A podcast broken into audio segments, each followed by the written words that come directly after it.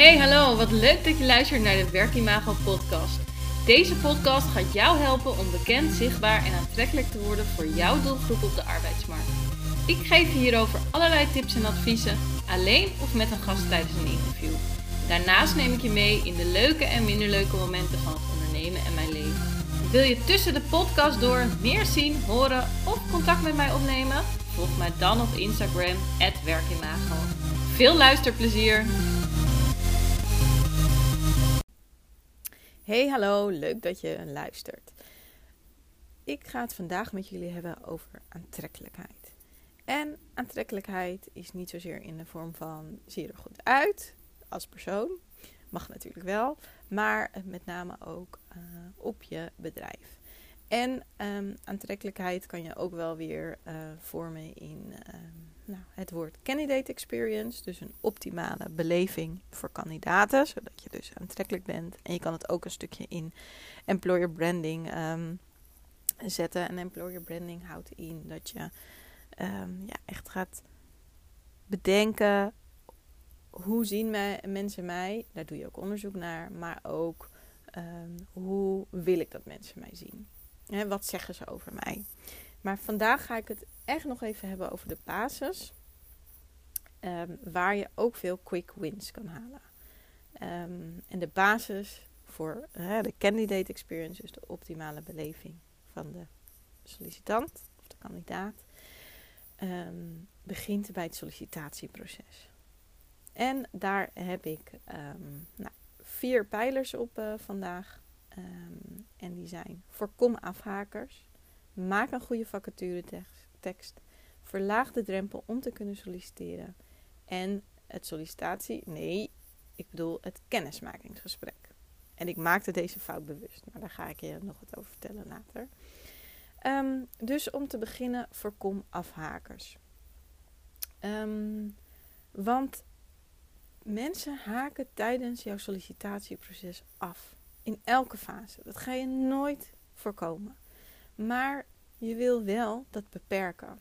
Dus de mensen die nu op jouw website uh, komen, die kunnen afhaken om honderd redenen.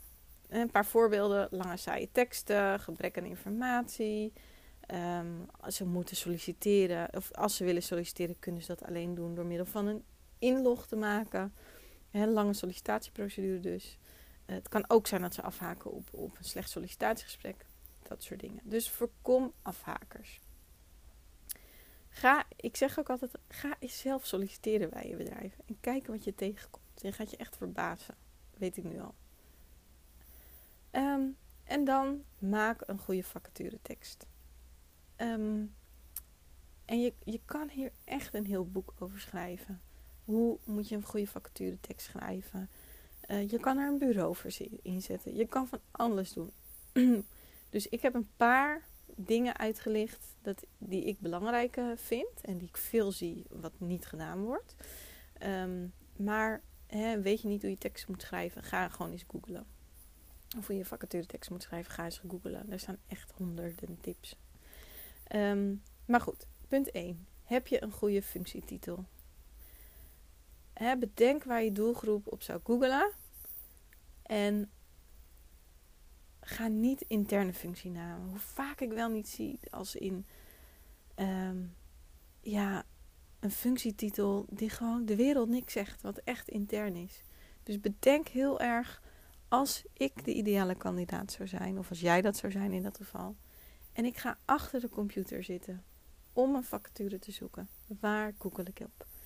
En ben je recruiter of HR manager of eigenaar uh, van een bedrijf? Ga dan naar de manager van de afdeling als je het zelf niet weet. Of naar een medewerker die de functie al doet. En vraag aan hun waar ga jij op googelen. Echt, een functietitel is misschien nog wel het belangrijkste, omdat je in een rijtje van um, andere vacatures jouw vacature zeg maar er moet uitspringen. En heb je een interne functietitel, gaat dat niet gebeuren. En heb je een functietitel die heel Nederland, of nou ja, niet heel Nederland, want heel veel mensen gebruiken slechte functietitels, gebruikt. Die moet je eigenlijk pakken. En je zou denken, maar hoezo? Want dat gebruikt toch heel Nederland? Ja, dat gebruikt heel Nederland, maar juist omdat iedereen daarop googelt.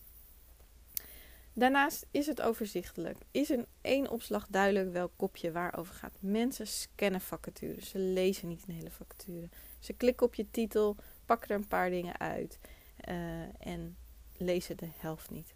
Misschien wel, maar pas als ze interesse hebben. dus zorg dat je eerste twee zinnen ook meteen jouw doelgroep pakken. Ehm, vertel een verhaal. Bullet points, leuk, ze kunnen overzicht brengen. Maar ehm, mijn ervaring is dat bullet points goed werken bij wat je ze biedt. Maar niet zozeer bij de functie.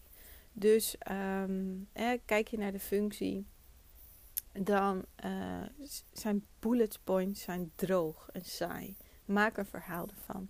Dus neem iemand mee in je verhaal. Hè? Denk echt van hoe ziet een dag bij deze persoon eruit en schrijf dat op. Hè?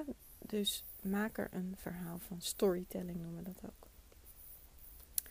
Um, en dan what's in it for them. Super belangrijk in deze markt.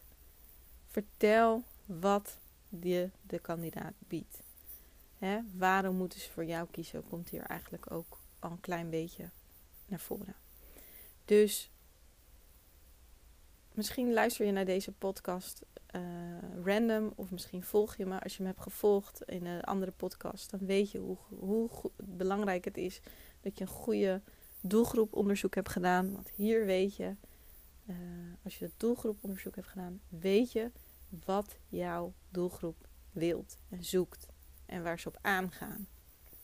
dus vertel wat je kandidaat biedt. Wees transparant, dus ook in de salarisrange.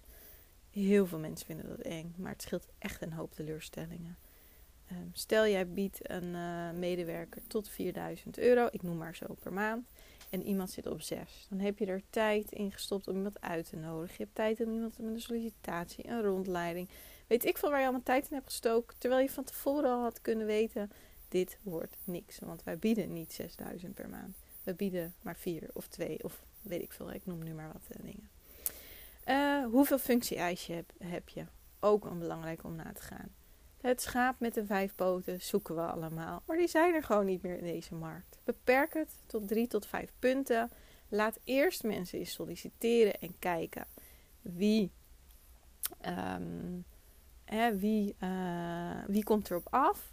En tuurlijk, als de rode draad is dat er allemaal mensen uh, solliciteren die niet Nederlands spreken, zet het er nog bij. Maar zorg eerst dat je reacties krijgt. In plaats van dat je al heel veel mensen uitsluit. En natuurlijk, bedenk altijd op een administratieve functie. Krijg je over het algemeen toch wel heel veel reacties. Dus maak het daar wat langer. Maar zeker bij schaarse functies. Hou het laagdrempelig. Daar kom ik zo nog op terug. En gebruik afbeelding, video of andere materiaal. Hè? Dus wissel dat echt af. Um, even kijken hoor. Dan de derde um, check is verlaag de drempel om te kunnen solliciteren. Hoe meer velden je moet invullen, hoe sneller mensen afhaken. Dus beperk het aantal functie, uh, velden.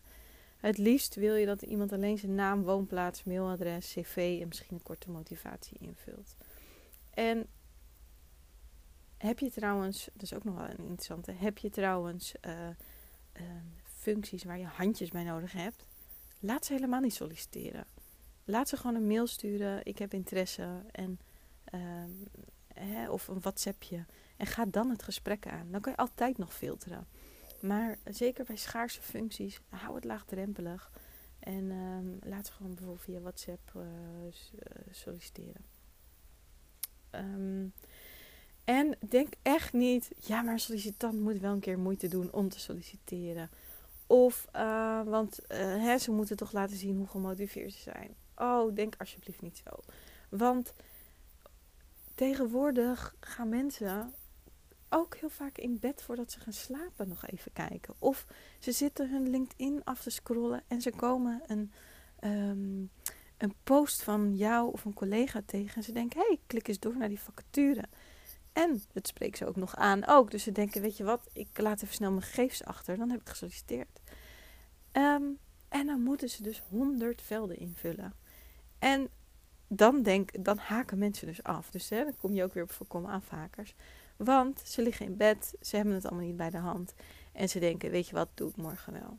En morgen gaan ze weer aan het werk, zitten ze in de waan van de dag, hebben ze thuis uh, kinderen of uh, weet ik het, uh, sporten, dat soort dingen. En ze denken nooit meer aan jouw vacature. En weg is je goede potentiële nieuwe medewerker.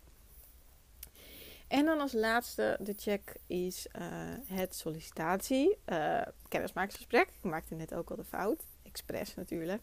Want stop met sollicitatiegesprekken en uithoren van kandidaten en ga denken in kennismaken.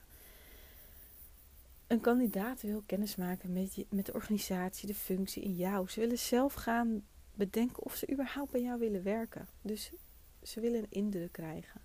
En jij wilt op jouw beurt weten wie de kandidaat is, zijn competenties, werkervaring, ambities, uh, nou, wat ook dan, maar wat aansluit bij jouw organisatie. Dus het is niet meer van ik ga de kandidaat even uitzagen of uithoren. Het is echt van beide kanten een kennismakingsgesprek. Um, en misschien wel een eerste date. Dat zei uh, toen ook uh, iemand uh, op een van mijn opdrachten. Als hij nu luistert, dan weet hij het natuurlijk. Maar die zei: een sollicitatiegesprek of een kennismakingsgesprek, noem ik het liever, is net een eerste date. Dus je wil van beide kanten kijken of het klikt. Nou, in de basis, het sollicitatiegesprek, is dit dus, uh, zijn dit dus even mijn uh, vier uh, tips voor deze podcast. Natuurlijk, je kan echt nog honderden tips. Maar begin bij je basis en start met deze vier. Dan kom je al een heel eind. Um, leuk dat je weer luisterde. En als je hier meer over wil weten, kan je ook mijn gratis checklist op verschillende niveaus, hè, beginner, gevorderd en expert, downloaden. Um, of um, mijn e-book kopen. Daar staan nog veel meer tips in. Een hele fijne dag. Doei.